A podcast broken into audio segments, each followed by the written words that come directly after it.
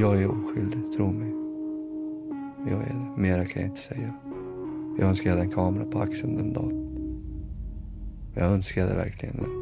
Jag minns att vi åkte hem tillbaka till eh, Gävle. Det var ju jag, det var Bed- Bedran, eh, så var det eh, Öskan och jag tror det var Önne, han är lite eh, skelögd. Tre bröder och deras kusin döms för mordet i Rinkeby 2002. Och nu börjar frågor väckas av grävande journalister. Gick allt verkligen rätt till? Man utgår från att finns en mobil på, mobil på en plats så finns personen det. Men det är ju ingen arm. Det är ju faktiskt någonting som man kan låna ut. Och mellan de här bröderna var det ingenting konstigt att man lånar ut mobiler. Det är en jakt på sanningen som leder till oortodoxa metoder. Jag köpte en sån här känslig liten stereomikrofon. Lindade in den i en t-skjorta så att man inte ska höra brummandet från den. Och så gömde jag den under barnstolen i framsätet på min bil. Och av en slump så hittar spår ett tidigare ohört vittne. Det är någon som du känner som du hejar på där? Någon som du eh, känner? Ja, han som äger det. Vad heter han? Han heter Zeki. Du lyssnar på Spår om Rinkebymordet avsnitt 4. Du lyssnar på Spår del 4 Engagemanget. Jag heter Martin Jonsson.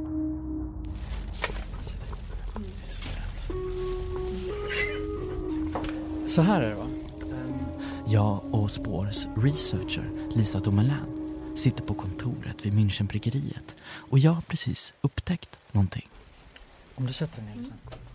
Nu ska vi lyssna på en grej. Det var i slutet av 2002 som tre bröder och deras kusin dömdes till fängelse. Den äldsta Öskan till livstid. Det är en dom som i efterhand kommit att bli starkt ifrågasatt Jag intervjuade ju Oran, han som sköt ihjäl Rado. Och som engagerat otaliga människor i kampen för att försöka förstå vad det var som hände. Och vad det var som fick framförallt den äldsta utav bröderna att bli dömd till livstid i fängelse. Eh, och då berättar han så här, det här är hans variant, det här är hans historia som han berättar för mig. Spår har hittat någonting nytt. Någonting som skulle kunna ge klarhet i vilka som egentligen var där på plats natten då avrättningen skedde. Nu är det lite olika klipp här som vi kommer att lyssna på för det är inte helt sammanhängande för att jag har inte kommit till det programmet än. Men det är bara för att du ska få en känsla av hur det låter. Och nu ska ni få lyssna på oredigerat material. Kanske det jobbigaste en radioproducent vet. Ungefär som att klä av sig naken inför publik. Men det är viktigt för att ni ska förstå upptäckten. Det ni kommer få höra nu är materialet som bildade avsnitt 3. Jag tror att han skulle åka till Rinkeby för att köpa mm, droger, narkotika. Det, han var ju så påtänd. Han, han, ja, jag, jag hade också rökt hasch. Så, men han var ju liksom påtänd av heroin. Det här berättar han då. Sen så frågar jag honom igen lite senare om eh, om det här med farbrorn igen. Och det var en, en slump när jag och min kusin skulle åka. Då träffade vi honom i Sollentuna här i Malmvägen. Tror att han sa jag ska åka till Rinkeby. Eller jag sa jag ska åka till Rinkeby. Och då han bara, men bra jag ska gå dit och köpa. Han sa hasch men jag tror inte hash. Jag tror han ville gå dit för heroin tror jag. Men det nya spåret, det finns i riktigt gammalt material. Och där framkommer mer detaljer än vad ni nyss fått höra. Viktiga detaljer. Men då så hittade jag en gammal ljudfil som är inspelad av en annan man som gjordes två år efter mordet. Det ni nu kommer få höra är en inspelning som opinionsbildaren och en av grundarna till Rinkebykommittén, Olle Schubert, har gjort. Alltså den kommitté som bildades för att granska fallet.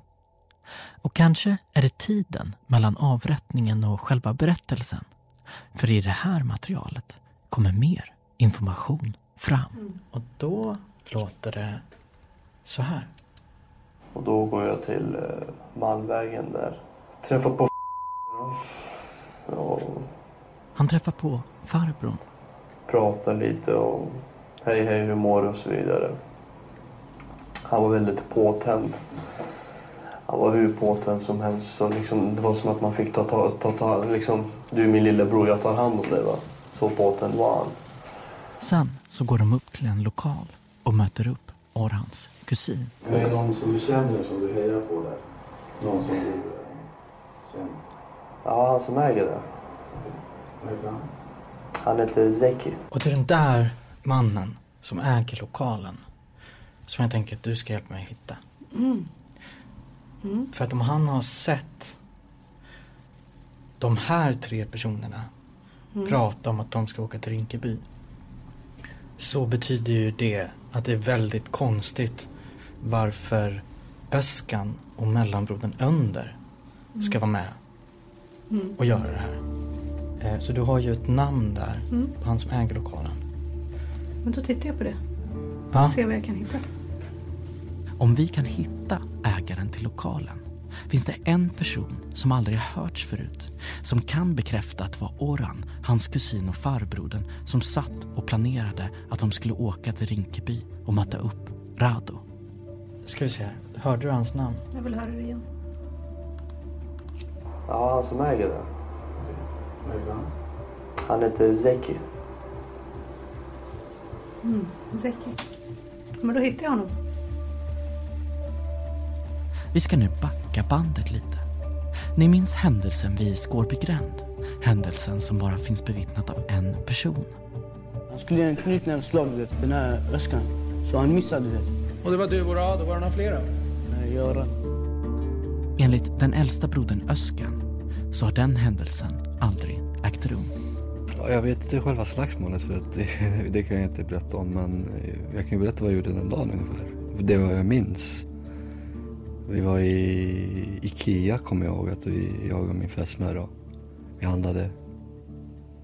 Ja, vi köpte bord, stolar och allting. Vi skulle flytta till, ett, till en lägenhet i Rinkeby och, och sånt. Och vi höll på med det. Jag var i Rinkeby och och satt hemma och skruvade upp ett bord och så var jag med min fästmö och sånt. Att det så hände aldrig? Nej, nej, nej, nej, nej, nej, nej. Gud nej. Alltså, jag, jag vet var den där personen har fått det ifrån. Så. Så, jag vet inte. Och vad hände sen? Den dagen så skulle min bror, eller mm, inte mor nästa dag, dagen efter. Då skulle min bror på någon SOS-möte tror jag det var. Och eh, jag sa, eller pappa sa att jag skulle hålla koll på honom och då gav jag min telefon till honom. Jag bara, du, du det här är min telefon. När pappa ringer, du svarar och så går ni på den här möten. Okej, sa han, han lägger in mitt kort. Okej, visst, gör så du. Så, så, så är det. Men hur kommer det sig att du hade hans telefon? Som allting gått till. Eh, som jag har berättat, allting är tillfällighet. Det var rent tillfällighet också. Och så här säger Oran om hur telefonväxlingen gick till. Under den tiden min brorsa gav sin telefon till mig för att jag var ju rätt stökig av mig. Jag tror Under hade tappat sin telefon. Min bror eh, hade glömt i boxningsklubben. Alltså allting var ju en tillfällighet. Det är det som är grejen. Det är det man måste förstå. Och det är inte första gången jag lånar min telefon till honom. Så det är... Så är det, men jag vet inte. Alltså jag är inte från Östermalm eller från fina områden. Och du vet... Hos, hos oss är det så. Du vet, allt som är min pappa ser nästan mitt, du vet. Och vi funkar så. Och eh, jag kan bara ta upp ett exempel. Ibland kan jag vara hemma, jag vaknar, då är mina skor borta. Då har någon tagit på sig mina skor och gått hemifrån. Okej, visst blir man förbannad. Men alltså det funkar så. Så det är ett... vi, vi, vi har den kulturen och den sådär, du vet att, ja. Samma dag som mordet sker i Rinkeby säger sig Öskan stöta på sin farbror Bederan som behöver komma till Gävle. Mellanbrodern Önder bestämmer sig för att hänga på. Och med sig i bilen har de Bederans dotter och hans vän. Han vill ha skjuts och jag kör upp honom. Fanns det något mer i bilen? Han hade med sig en vän, hade han. Eh, sen var det hans dotter. Och så var det min bror. Som var i bilen. När vi åkte upp då. Jag minns att vi åkte hem tillbaka till eh, Gävle. Så här säger vännen till Önder och Öskens farbror Bederan som säger sig sitta i samma bil upp till Gävle. Vännen som försvaret hävdar är ett oberoende vittne. Eh, och det var ju jag, det var Be- Bedran, deras farbror eller morbror, jag har ingen aning om det. Eh, så var det uh, Öskan. Och jag tror det var Önder, han är lite uh, skä- skelögd. Vad gjorde ni när ni kom fram till Gävle? Eh, vi släppte av hans kompis, hans vän då. Sen eh, åkte vi hem till han och parkerade bilen. Lämnade hans dotter hemma. Så gick vi till ett ställe, men det var någon pub vi gick till. Drack lite och Var sov ni då? hemma hos han, min farbror. Fanns det någon annan där i lägenheten? Mm, ja. Det var hans dotter såklart. Så var det en väninna till honom eller om det var hans flickvän. Jag har ingen aning. Men hon var där. Nej, jag tror jag kan inte hjälpa dig med Väninnan, hon vill inte prata idag. det. blev en historia så jag, jag vill inte prata om det. Men i rätten så styrker hon Gävleberättelsen. Men varken tingsrätt eller hovrätt tror på henne, på brödernas farbror Bederan eller hans vän. De menar att de har för starka band till familjen Gildis. Var det konstigt? Varför tror du att de inte gjorde det? Eh, jag vet faktiskt inte. Jag har ingen aning. Jag har ingen aning. Det är inte så att de har blivit åtalade för mened eller någonting heller. Men jag vet att vi åkte ju upp till Gävle. Vi passerade förbi Röde Orm och så. Jag vet att vi tog ju paus. Det var det jag sa på rättegången. Men eh, det funkar inte så bra. De trodde inte helt enkelt på mig, vet du. Varför, varför tror du att de inte gjorde det? Det vet jag inte. Det enda jag minns så väl när jag var på rättegången, jag var så nervös att jag tänkte nu stannar säkert mitt hjärta, sa jag. Jag ska säga, eh, man går ju fram där, de ställer frågorna. Jag, har aldrig varit på en rättegång och så. Eh, och alla sitter där, på något sätt, alla var så lik varandra också, för att jag känner ju inte grabbarna. Jag vet inte, det var det, för att jag blev så arg till slut. Jag sa, jag har ingen anledning att ljuga för er. Jag förstår, om jag ljuger så får jag ju problem. Jag får inte ljuga. Och som sagt, jag känner inte ens grabbarna. Varför ska jag ljuga för? Men om någon ska sitta inne typ livstid så som inte gjort någonting om saken. Det var därför jag blev lite arg så här va. Det, typ, det är fel. Men eh, ja, det, det är tråkigt. Och jag vet killen sitter väl fortfarande inne va. Spår är inte de enda som har granskat det här fallet. Efter att domarna föll började andra grävande journalister försöka förstå vad det var som egentligen hade hänt. Familjen eh, tog i kontakt med mig efter, efter det här mordet. Vi skrev om mordet naturligtvis, det rapporterade vi om i tidningen och så. Det här är Christian Holmén. Han är chef för grävgruppen på Expressen och en av Sveriges mest erfarna grävande journalister. Och när killarna hade gripits så, så hörde ju familjen av sig. Och ville och bedyrade att alla var oskyldiga och var felaktigt gripna. Och jag, jag, hade, jag tittade inte närmare på det då. Jag, jag bevakade inte den här rättegången eller någonting sånt. Utan när, åt, eller när åtalet kom så, så bläddrade jag snabbt igenom åtalet. Även om det inte var jag som rapporterade om det då. Och jag kunde ju konstatera att ja, men här, mördarna fanns ju här, så var det ju liksom, i det här materialet, det, i den här familjen. Det, var, det tog inte många minuter att se att alla ljög allt vad de orkade för att fria sig själva och för att fria sina anhöriga och så. Så jag, jag la det bara till sidan. Då. Vad hände sen? Så då slutade jag inte ringa familjen. De eh, ringde och, och bad, men bara läs, läs pappren. För det, det är saker som har blivit fel.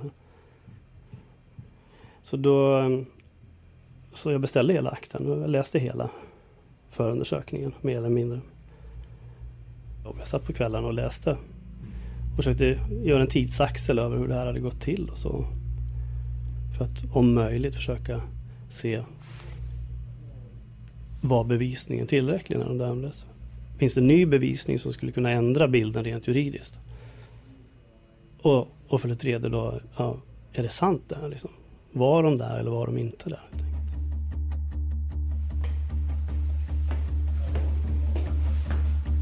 Men Christian Holmén är inte den enda journalist som familjen Gildis ringer. Hallå, hej. Martin, tack. De ringer även till journalisten Dick Sundevall. Okej, ska vi äh, sätta oss bredvid varandra? Dick Sundevall är mest känd för sitt arbete med fallet Joy Raman. Han som fick rekordstort skadeståndsbelopp efter att han har blivit beviljad resning och friades. Jag blev kontaktad av en farbror till de här killarna som så småningom dömdes. Och, som, eh, och då hade jag läst lite av Christian Holmén, vad han hade skrivit i Expressen. Och eh, Christian Holmén hade jag förtroende för. Och eh, det, det försvaret hade att komma med tyckte jag var en hel del substans. Va? Att eh, man utgår ifrån att finns en mobil på, eh, mobil på en plats så finns personen det. Men det är ju ingen arm, det är ju faktiskt någonting som man kan låna ut. Och mellan de här bröderna var det ingenting konstigt att man lånade ut mobiler. Och, och, så ringde jag Christian Holmén och sa, finns det något mer att göra på det här? Du har ju gjort det mesta, för då läste jag igenom alla hans artiklar. Och han sa, ja för fan, alltså det måste in någon mer som håller på med det här och inte bara vi. De två journalisterna börjar arbeta parallellt med varandra. Ett arbete som kommer resultera i en bok som kommer att heta Tre bröder om rättsfallet och avrättningen i Rinkeby 2002. Då var mycket rollfördelningen att han var ju mest insatt. Så han, han skämtsamt sa han, jag är reporten på fältet medan du sitter i en läsfåtölj med en snugga och drar slutsatser. Men mm. riktigt så var det inte. Ett av de viktigaste vittnena som såg mordet, som vi berättade om i tidigare program, är spärrvakten.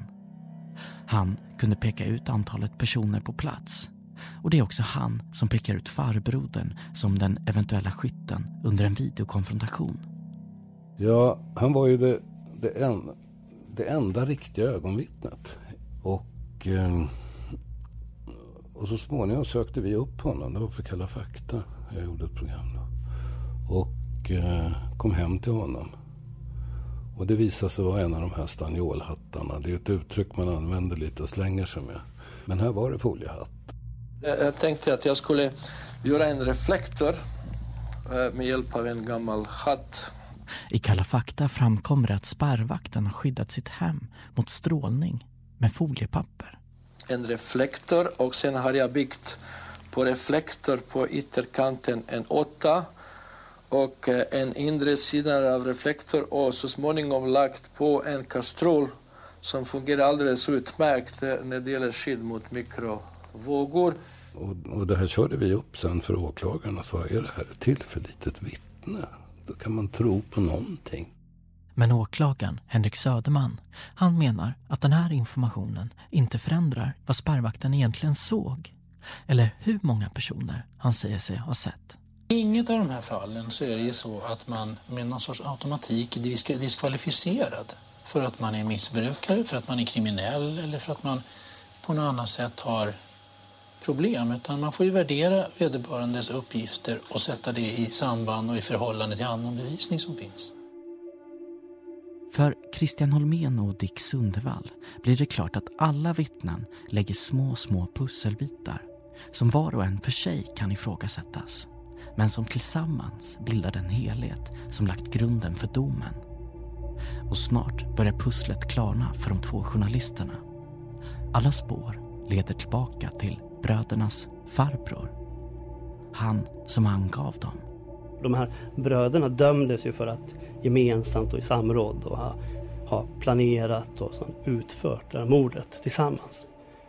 Eh, Hovrätten slår inte, fram, inte fast vem som verkligen sköt eller så utan man konstaterar att det var de här tillsammans som gjorde det. Och det bygger domstolarna faktiskt i princip enbart på den här farbrodern och hans vittnesmål.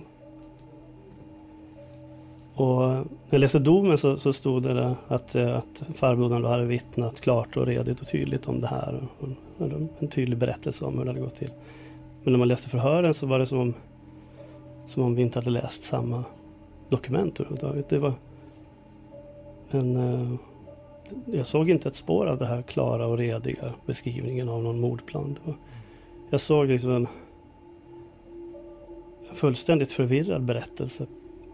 Och jag insåg att det är det här förhöret med den här farbrorn. Det är det som är själva bevisningen för mordplanen. Liksom. Men det är ju ingen annan som talar om en mordplan. Det här med att man skulle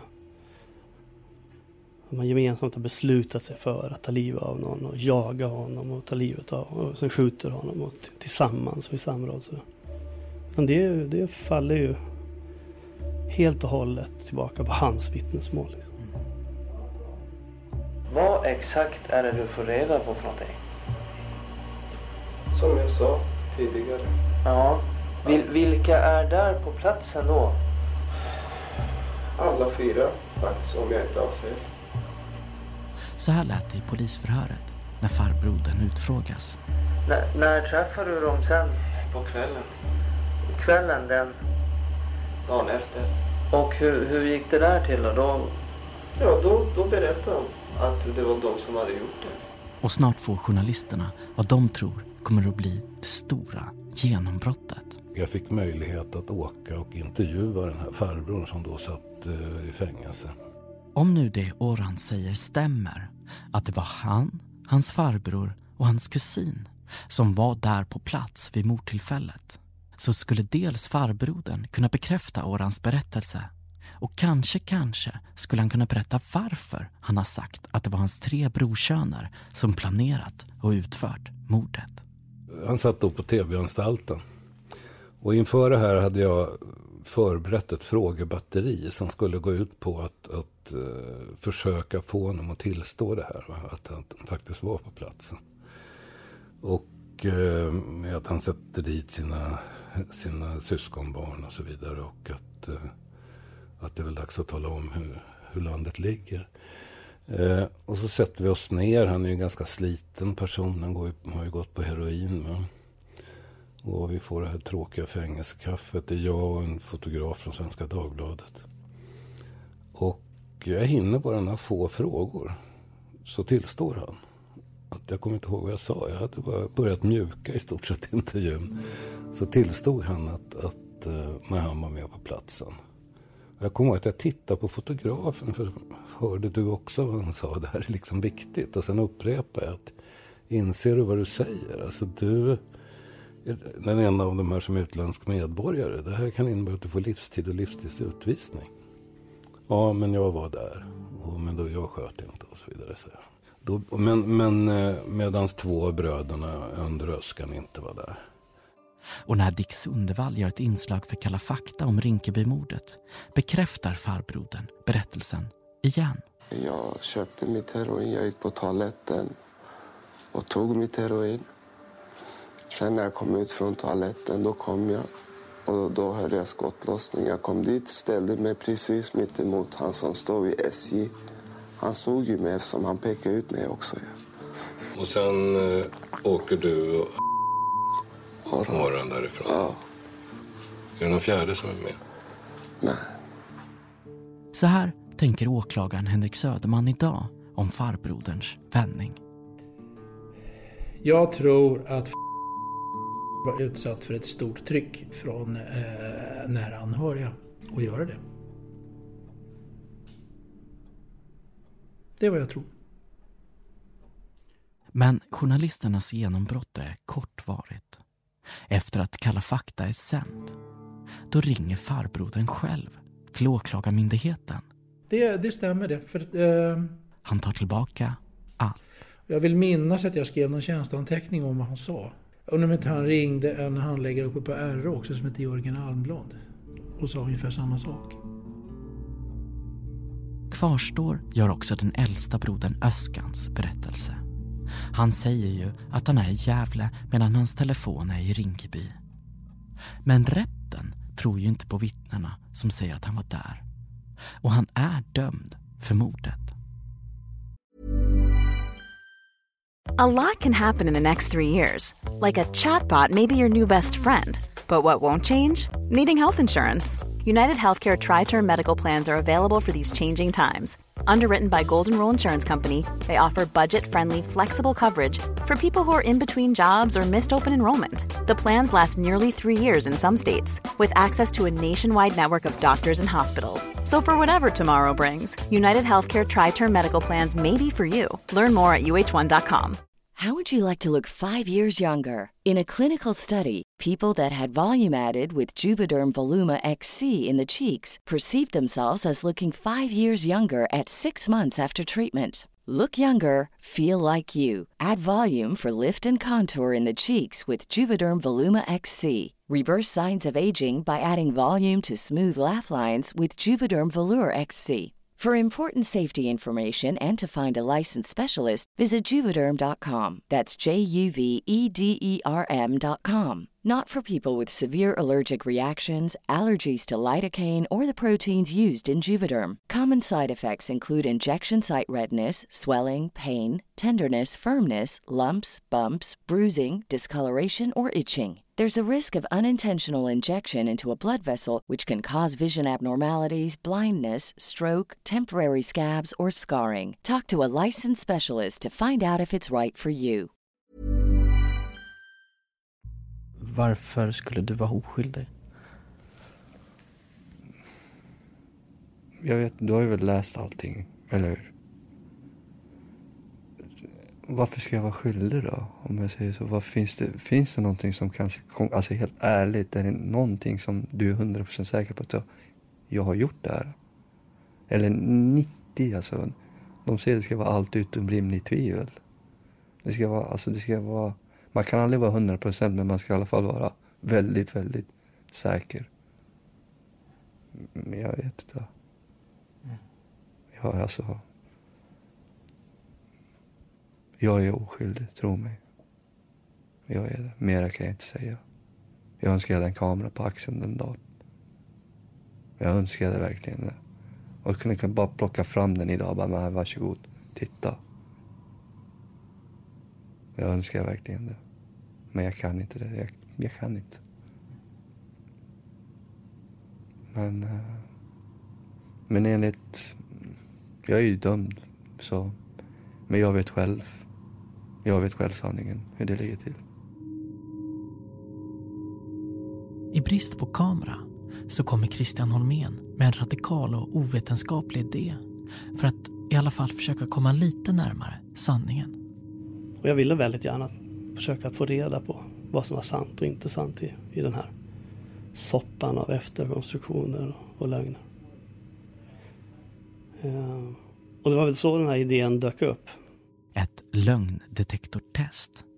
Ett test som man inte använder sig av i Sverige då det inte har någon juridisk bindning i rättegångar. Men tanken var då närmast att eh, jag menar vi visste ju att eh, lögndetektorer som metod är, är väldigt ifrågasatt och kritiserad. Men jag kunde inte heller låta bli att vara nyfiken på hur skulle Öskan reagera om jag ringde till honom och sa att du vi har en, en professor som vill uh, höra dig med lögndetektor. Den kommer att visa om du ljuger eller inte. Liksom, hans reaktion när jag, när jag skulle föreslå det, den vill jag gärna höra. Ska han reagera? Ja absolut gärna. Om, om du tror att, att det funkar så jättegärna. Så därför gjorde vi det. Det där, alltså, det där kommer jag aldrig glömma. Det var ju väldigt dumt av mig att ställa upp för en sån här grej också. Överhuvudtaget. Det där är inte bra alltså. Jag och Öskan, vi har haft regelbunden telefonkontakt med varandra sedan spår påbörjade granskningen. Och en sen vårkväll ringer han och jag ber honom berätta om lögndetektortestet. Så jag, jag, jag får ju väl skylla på mig själv också. För först så tog han upp tummen och bra, men visst jättebra du vet. Och sen ställde han samma frågor om och om och om igen. du. Är det, typ, är det skyldig? Sådana. Man blir bara, shit alltså. Så det blev inte bra. Och sen när man hör den där grejen åka upp och ner du vet, hela tiden. Jag tänkte, men shit, och nu blir jag ännu mer nervös du vet. Och det blir bara värre och värre. Tänk om den tror verkligen. Ja, han misslyckades kapitalt. Enligt eh, professor Udo Undeutsch så eh, var det med 95 eller 96 procent sannolikhet han som sköt. Att han inte- inte talade sanning på just den frågan. Tänkte du att han gör det? Ja, eh, jag tänkte ju att, det- att det här kunde styrka inte hans sak i varje fall. Verkligen inte. Men lögndetektortestet, det leder Christian Holmén till nästa radikala idé. För det som Christian Holmén bestämmer sig för att göra sen, det är något som han vanligtvis inte gör. Ja, redan när jag åkte tåg upp från Tidaholmsanstalten där vi hade gjort lögndetektortestet. Så, så väcktes ju ändå tanken att okej, det kanske inte är så att man får sanningen i lögndetektortestet men kanske testet eller te- resultatet från testet ändå går att använda för att skrapa ett litet hål på alla de här lögnerna i den här historien. Ge ett litet titthål in till, till sanningen om vad som egentligen hände. Christian Holmén, han bestämmer sig för att använda lögndetektortestet och visa det för Oran, som har erkänt att han var på plats och dessutom tagit på sig mordet. Och sen även farbrorn Bederan, som hävdar att Öskan och Under var i Gävle under mordnatten. Min tanke var då att få, få de här två killarna eh, tillsammans. Presentera resultatet från lögndetektorundersökningen. Lämna dem med någon förevändning och banda dem och höra vad de säger till varandra. Jag fick ett samtal från min, eh, från min farbror då, då jag var på min permission. Så här berättar Oran. Så att eh, en av författarna då som, eh, som har följt eh, det här fallet sedan tidigare och gjort granskningar ville träffa, träffa mig. Och eh, min farbror och eh, då var jag i Rotebro då, norr om Stockholm. Jag köpte en sån här känslig liten stereomikrofon. Och eh, som jag kopplat till min bärbara bandspelare. Och så lindade jag in den i en t-skjorta så att man inte ska höra brummandet från den. Och så gömde jag den under barnstolen i framsätet på min bil. Så monterade jag mikrofonen i nackstödet på min bil. Och så bestämde jag träff med eh, Bedran och Orhan Yildiz. Och sa, att- sa, berättade inte på telefon vad det handlade om. Jag sa bara att jag har fått, eh, jag har, jag har dokument som jag, som jag vill se att ni ska titta på. Och jag är oroad över vad som har kommit fram. Och det här kan förändra hela bilden av det som jag tänker rapportera om. Så vi eh, bestämde att vi skulle ses eh, vid Coop, eh, Rotebro här i Stockholm. Vi sågs inne där på, på Coop och så gick vi, sa jag att jag har en del papper i bilen som jag vill visa er. Och då sa han att det har kommit en resultat utav lögndetektortest som de hade genomfört då. Så gick vi ut i bilen. Så då satt jag och Bedran i bakbilen. Kommer du ihåg då jag satt på den högra sidan Jag satt i framsätet. och eh, eh, min farbror då satt på vänstra sidan. Så tog jag fram eh, resultatet av den här lögndetektortesten. Analysen som jag hade fått utav professor Undeutsch. Han som, den som då visade, eller slog fast att Öskan med stor sannolikhet var den som hade utfört mordet. Och så berättade jag om det för dem. Och så sa jag att som ni förstår så eh, jag det kan det påverka allting. Det som jag tänker skriva om. Vad jag hade gjort då var att jag hade en extra mobiltelefon med mig som jag hade i jackfickan. Där jag hade slagit in mitt eget nummer. Och min egen telefon hade jag i fortfickan. Så jag slog in, utan att de såg det då, så tryckte jag på, ringde jag upp mig själv så att säga. Då kom det ett samtal till honom. Då klev hon av bilen så att det är jätteviktigt, jag måste ta det här samtalet. Och då tänkte jag, okej. Så låtsas jag svara där och säga att eh, förlåt, eh, ett ögonblick bara. Så, så, ja, så spelar jag teater helt enkelt. Jag håller för mikrofonen på mobilen och vänder sig emot dem, ger dem alla pappren. Och säger att förlåt, jag bara måste ta det här samtalet. Så jag tittar på de här pappren och funderar, är det någonting som ni inte har berättat, som ni borde berätta? Och så går jag ut till bilen och stänger dörren och så går jag iväg och låtsas prata i mobiltelefonen helt enkelt. Och eh, då kollade vi igenom eh, papperna. Och när jag tittade, då tänkte jag för mig själv så här. Nej men herregud. Är det så här oskyldiga människor döms i USA? Det här stämmer ju inte. Det här är orimligt. Det kan, det, det, det, alltså det, det stämmer inte. Det här är skit, sa jag. Så jag promenerar omkring en stund där och låtsas prata. Och tittar lite mot dem i bilen. Och så där ser jag att de sitter och pratar med varandra.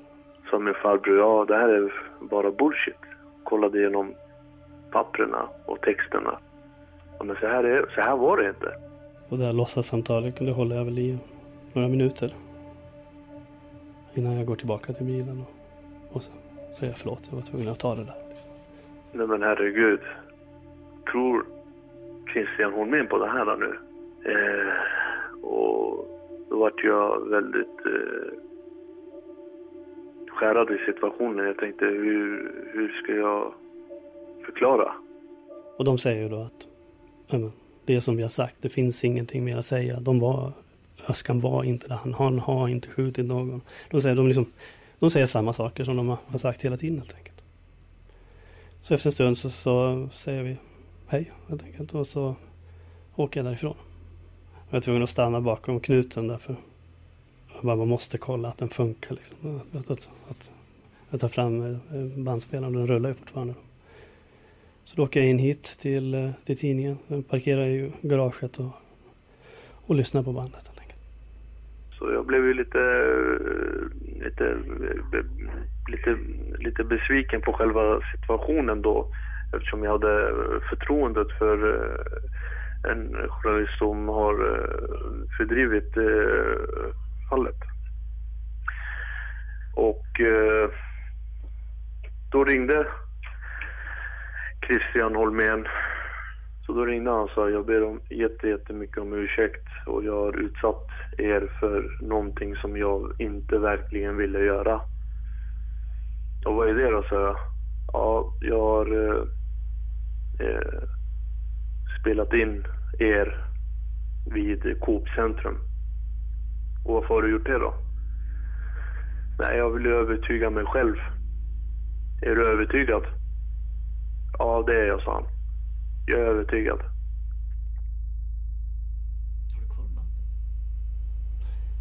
Jag har, jag har eh, beslöt mig för när eh, Öskan när Öskan eh, gav upp, när han, inte, han sa jag tänker inte försöka få resning igen. Nu avtjänar jag mitt straff. Då förstörde jag hela, alltså all, det, allt det material som hade någon juridisk bäring. Det hade ju redan eh, advokaterna använt sig av så att säga. Sen var, fanns det, hade jag en hel massa researchmaterial som innehöll samtal som var väldigt personliga med många utav i familjen och släkten. Som, eh, som har pratat med mig eh, i förtroende helt enkelt. Så jag beslöt mig för, då för att jag förstör hela det här materialet. För det som har någon slags juridisk bärighet, det är redan, det är redan använt. Nu finns det, det fanns ingen anledning att spara det, så nu, det, hela det materialet är raderat.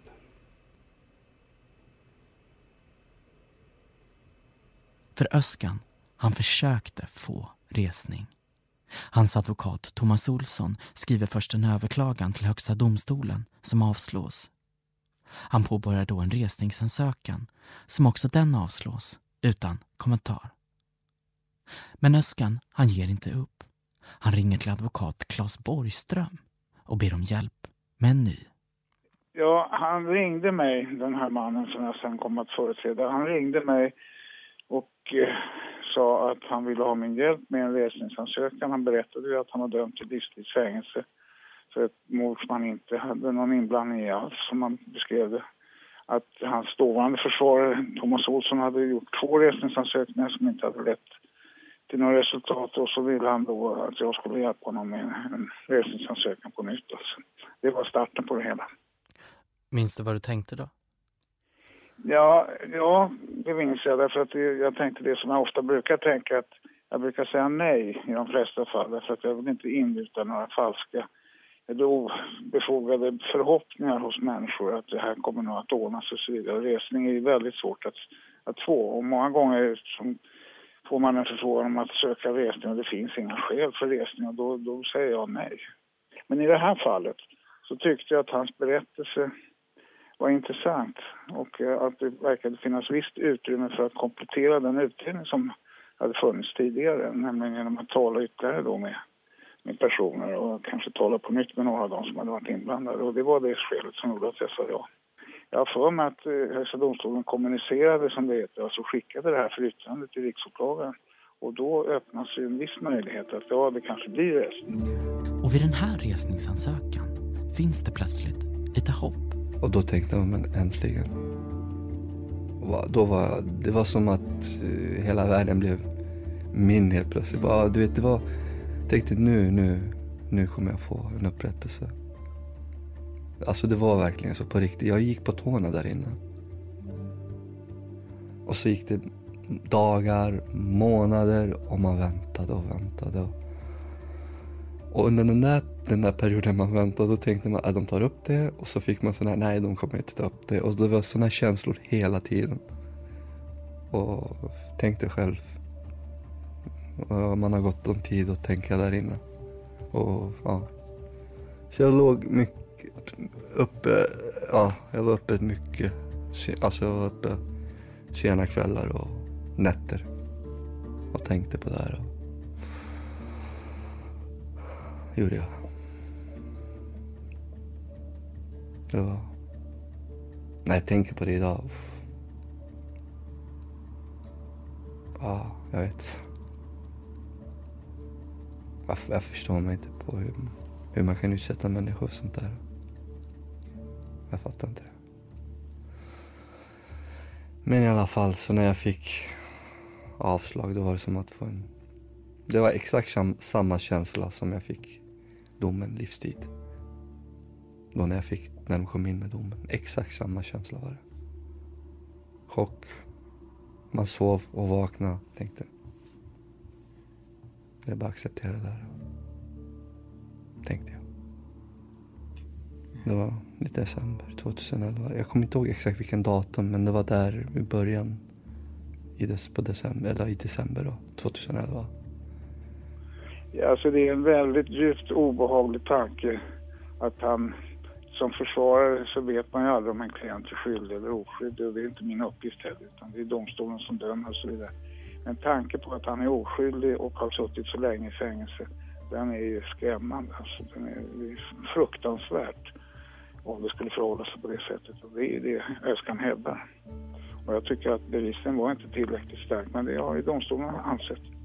Men själva tanken på att han är oskyldigt dömd till livstidsfängelse, den är ohygglig. Christian Holmén, igen. Jag tänker att det stora misslyckandet i hela den här historien är att det inte blev en till prövning. Liksom. Att det fanns en massa frågor som kunde ha besvarats om det hade blivit en ny rättegång. Dels så hade, så, så hade det varit juridiskt anständigt tycker jag med en ny prövning. Och då hade vi kanske vetat saker och ting idag som vi inte vet nu. Liksom. Så eh, på det sättet var det ju ett enda stort misslyckande. Det tänker jag. Det är ett av de största misslyckanden jag varit med om.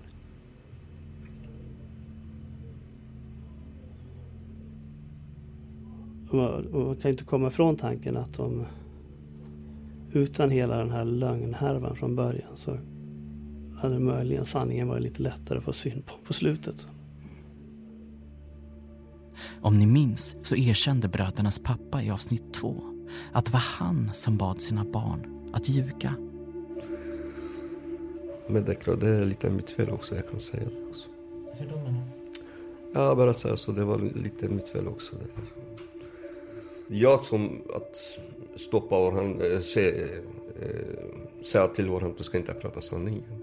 Det att vi har sagt till Luskan att du ska inte säga att du har lånat till till vilken kille. Det är inte någon som familj är inblandad här. Och därför jag säger att det var mitt fel. Du, din pappa har ju eh, berättat för mig att det, det var han som bad er att inte säga eh, att du inte till exempel skulle säga eh, att vem du hade lånat ut din telefon till och sådär. Ja. Har han sagt det, pappa? Mm. Ja. Jo, men eh, ja, så är det. Ja, han sa det. Vad tänkte du då? Eh, jag tänkte inte på pengar, men jag säger inte det. För jag tänkte inte att de kommer döma mig. Mm. Jag tyckte att jag var självklar, pappa. Jag, jag var tyst om det.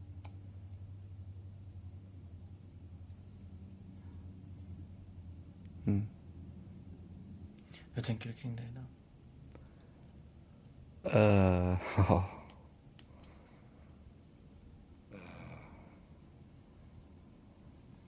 Det är klart man tänker ju alltså. Han försökte ju väl rädda Aron. Men han brände två andra helt oskyldigt. Så det är klart, vad ska jag säga? Det är min pappa. Men vad, vad, vad ska jag säga? Jag, jag vet vad jag ska säga. Men han borde inte gjort det tycker jag i alla fall.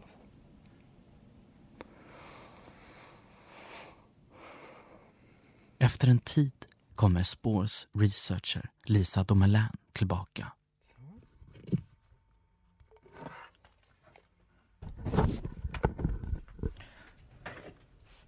Vad, vad har du hittat för någonting?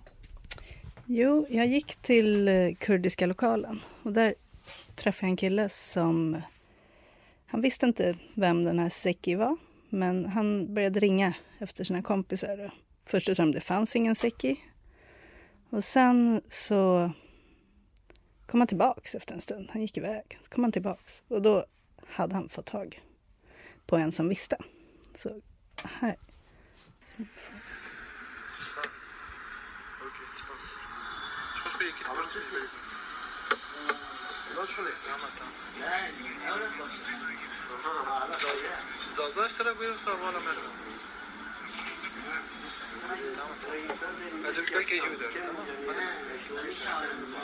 Pratar ni i telefon eller? Han pratade i telefon med en kille. Det var, ja, det hade, det hade, ja, det var en Seki, men han är dog förra Han, året. han dog förra året? Ja, förra året. Oj. Är död.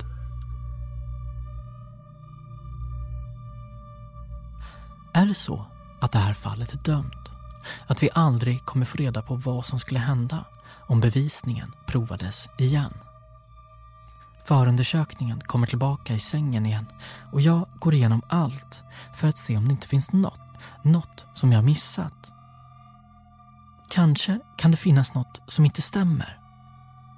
Och plötsligt finns det där framför mig. Någonting är fel i förhöret som finns bevarat på band av farbrorn. Det han säger i förhöret som finns på band är inte det som finns sammanfattat i förundersökningsmaterialet. För er som inte vet så är vissa förhör av polisen utskrivna och andra sammanfattade. Och i det här sammanfattade förhöret från förhörstillfället så står det att alla tre hade skäl att begå mordet. Men det är inte vad som sägs på band. oss i början när du började prata med oss första gången när vi träffade oss. Att du var 190% säker på vem som hade gjort det.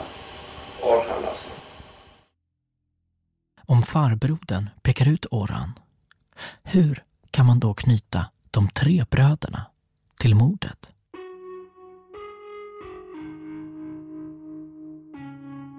I nästa och sista avsnittet av Spår. När någonting är fel så förr eller senare seglar upp till ytan det, det som visar hur fel det är. Det, det, och, och, det kan ju vara eh, den omständigheten som, som till slut får eh, eh tillförlitligheten att raseras totalt. Abonnenten du försöker nå kan inte ta ditt samtal. Jag beger mig ut på jakt efter farbrorn som angav sina brorsöner för att förstå vad som egentligen hände under förhören.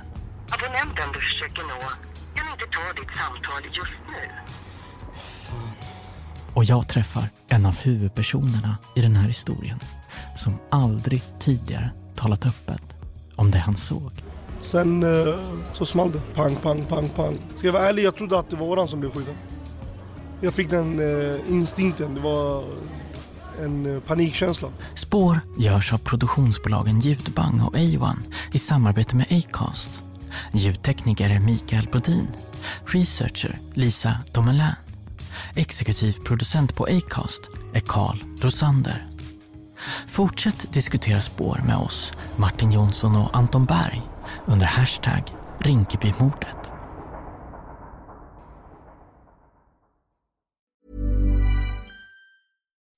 When you make decisions for your company, you look for the no-brainers. If you have a lot of mailing to do, stamps.com is the ultimate no-brainer. Use the Stamps.com mobile app to mail everything you need to keep your business running with up to 89% off USPS and UPS. Make the same no brainer decision as over 1 million other businesses with Stamps.com. Use code PROGRAM for a special offer. That's Stamps.com code PROGRAM.